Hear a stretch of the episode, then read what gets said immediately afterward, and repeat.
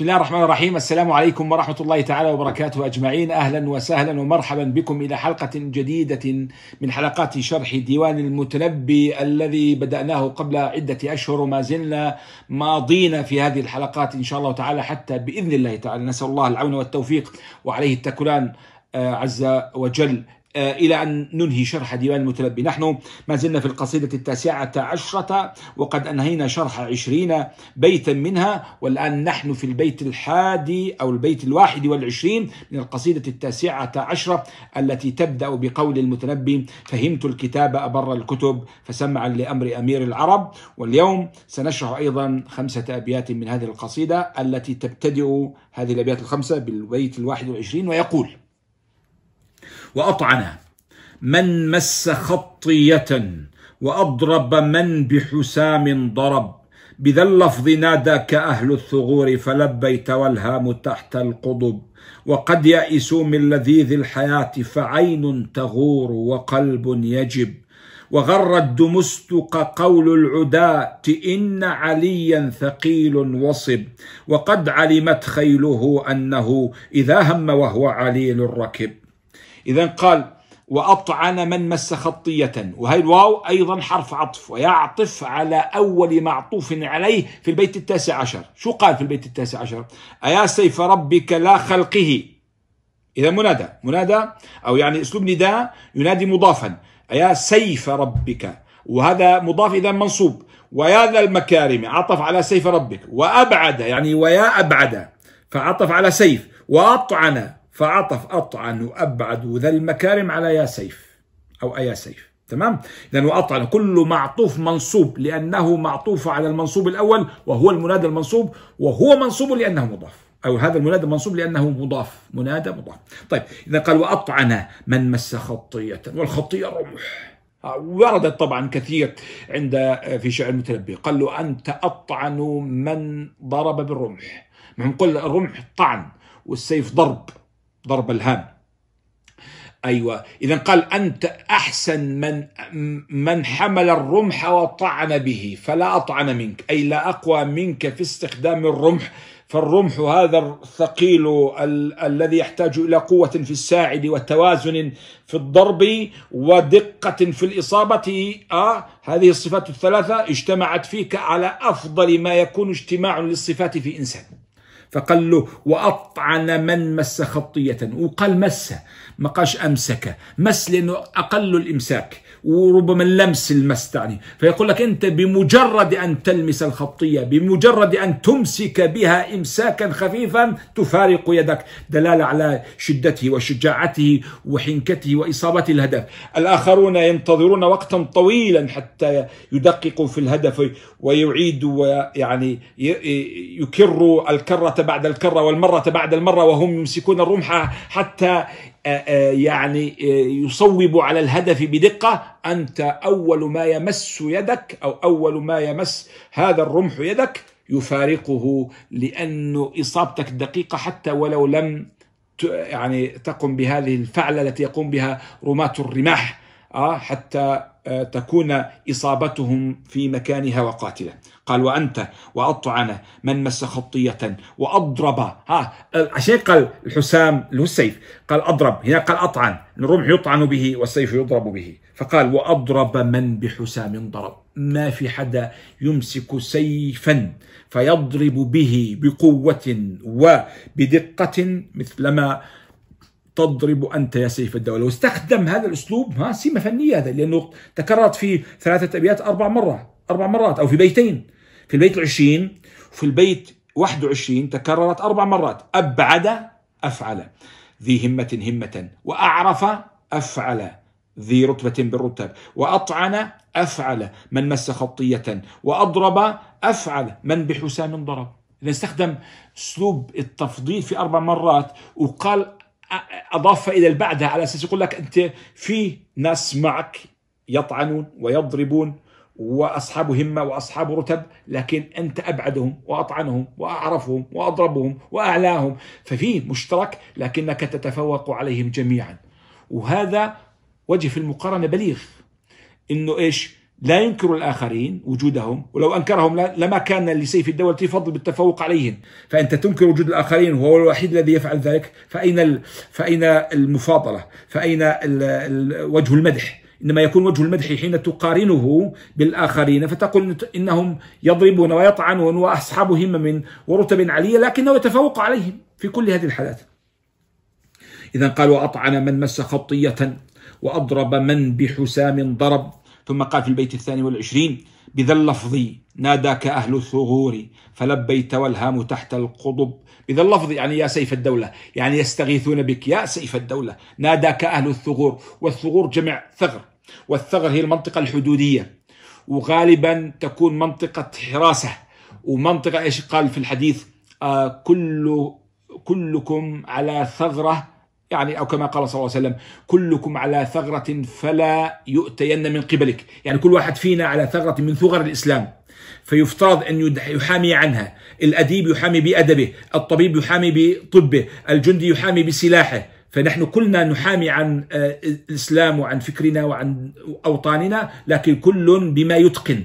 ها كلكم على ثغرة من ثغر الإسلام فلا يؤتين من قبلها. إذا اللفظ ناداك أهل الثغور يعني استجار بك الناس الذين يقيمون على الثغور. ليش خص أهل الثغور مش بقية الناس؟ قال لأن أهل الثغور على مناطق حدودية فهي بعيدة عن مركز الدولة من جهة فلا تستطيع أن تنصرها في الحال والتو والحين. ثم النقطة الثانية تكون هذه المنطقة الأضعف.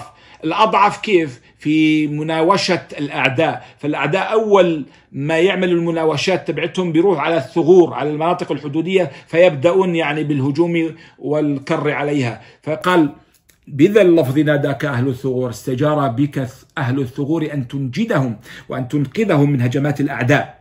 آه بذا اللفظ يعني يا سيف الدولة يا من أنت سيف قاطع نجنا مما حل بنا. فلبيت فأنت ما ثنيت لهم نداء.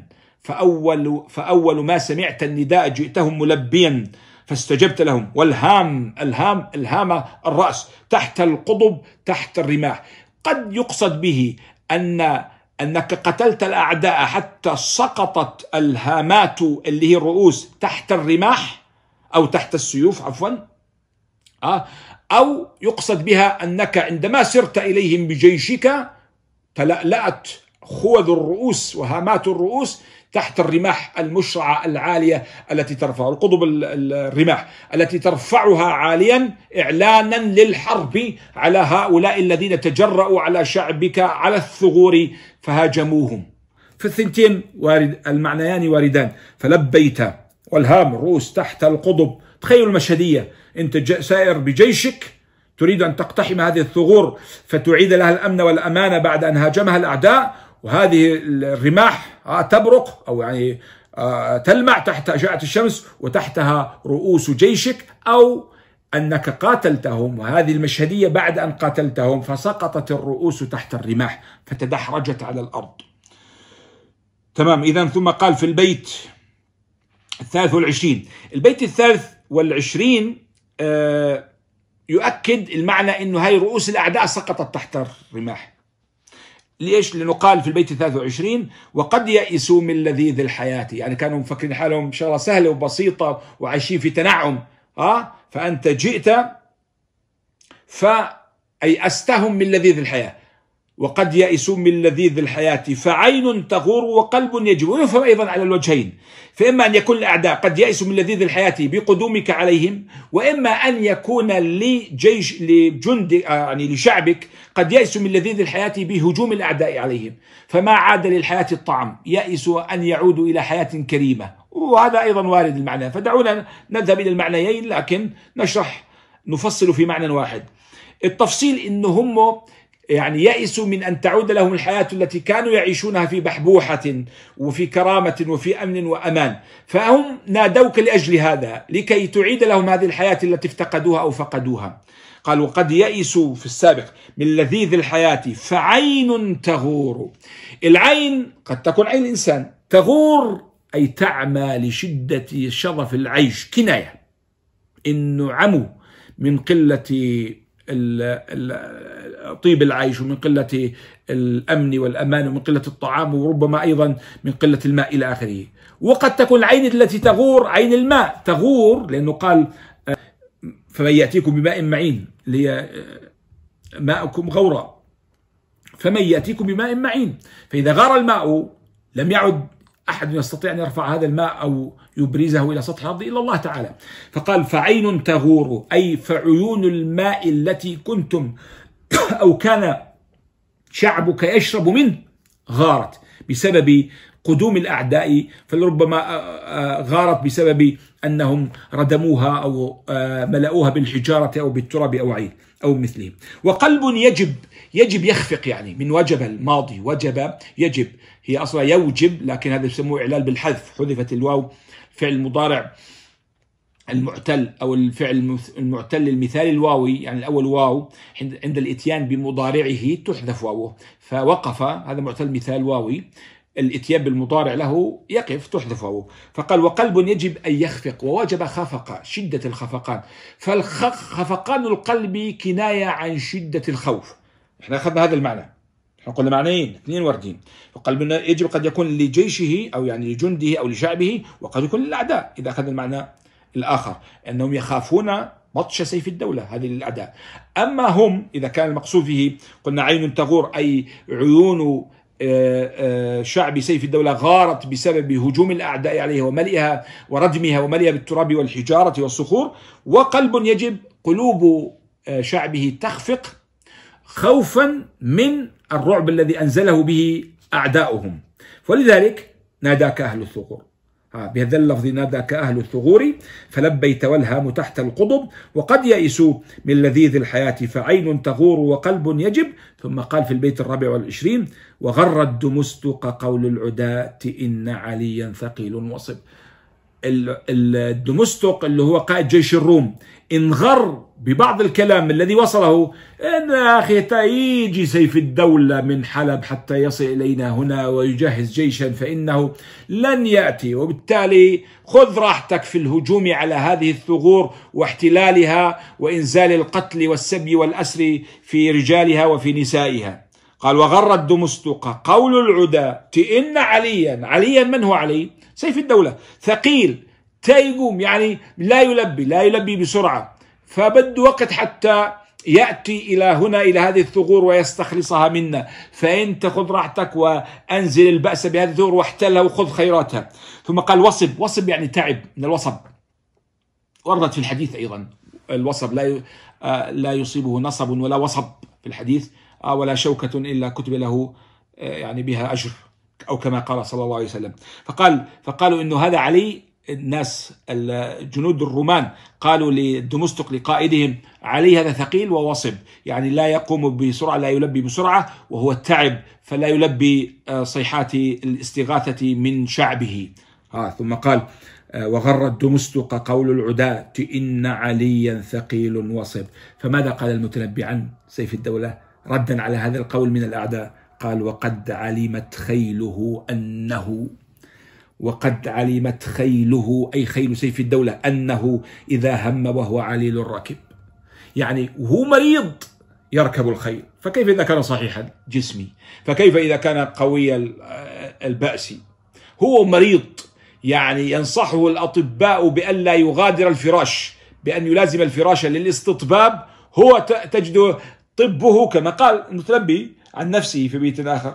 آه يقول لي الطبيب أكلت شيئا وداؤك في شرابك والطعام وما في طب وما في طبه أني جواد أضر بجسمه طول الجمام.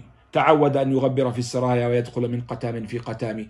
فقال سيف الدولة وهو مريض تجد يدخل المعارك ويقاتل. فكيف إذا كان صحيح الجسم إذن؟ فرد على قولة الذين قالوا للدمستق إنه عليه هذا يصلك إلى هنا حتى يصل إلى هذه البلاد. تكون أنت قد احتللتها وأخذت خيراتها وقتلت رجالها وسبيت نساءها وهكذا. فقال خسئتم. ليس الأمر كذلك. إنما علي سيف الدولة يركب الخيل ويدخل الحروب ويطعن ويضرب بالسيف وهو خير من طعن بالرمح وضرب بالسيف وهو علي أي مريض الجسم. فكيف إذا كان صحيح الجسم؟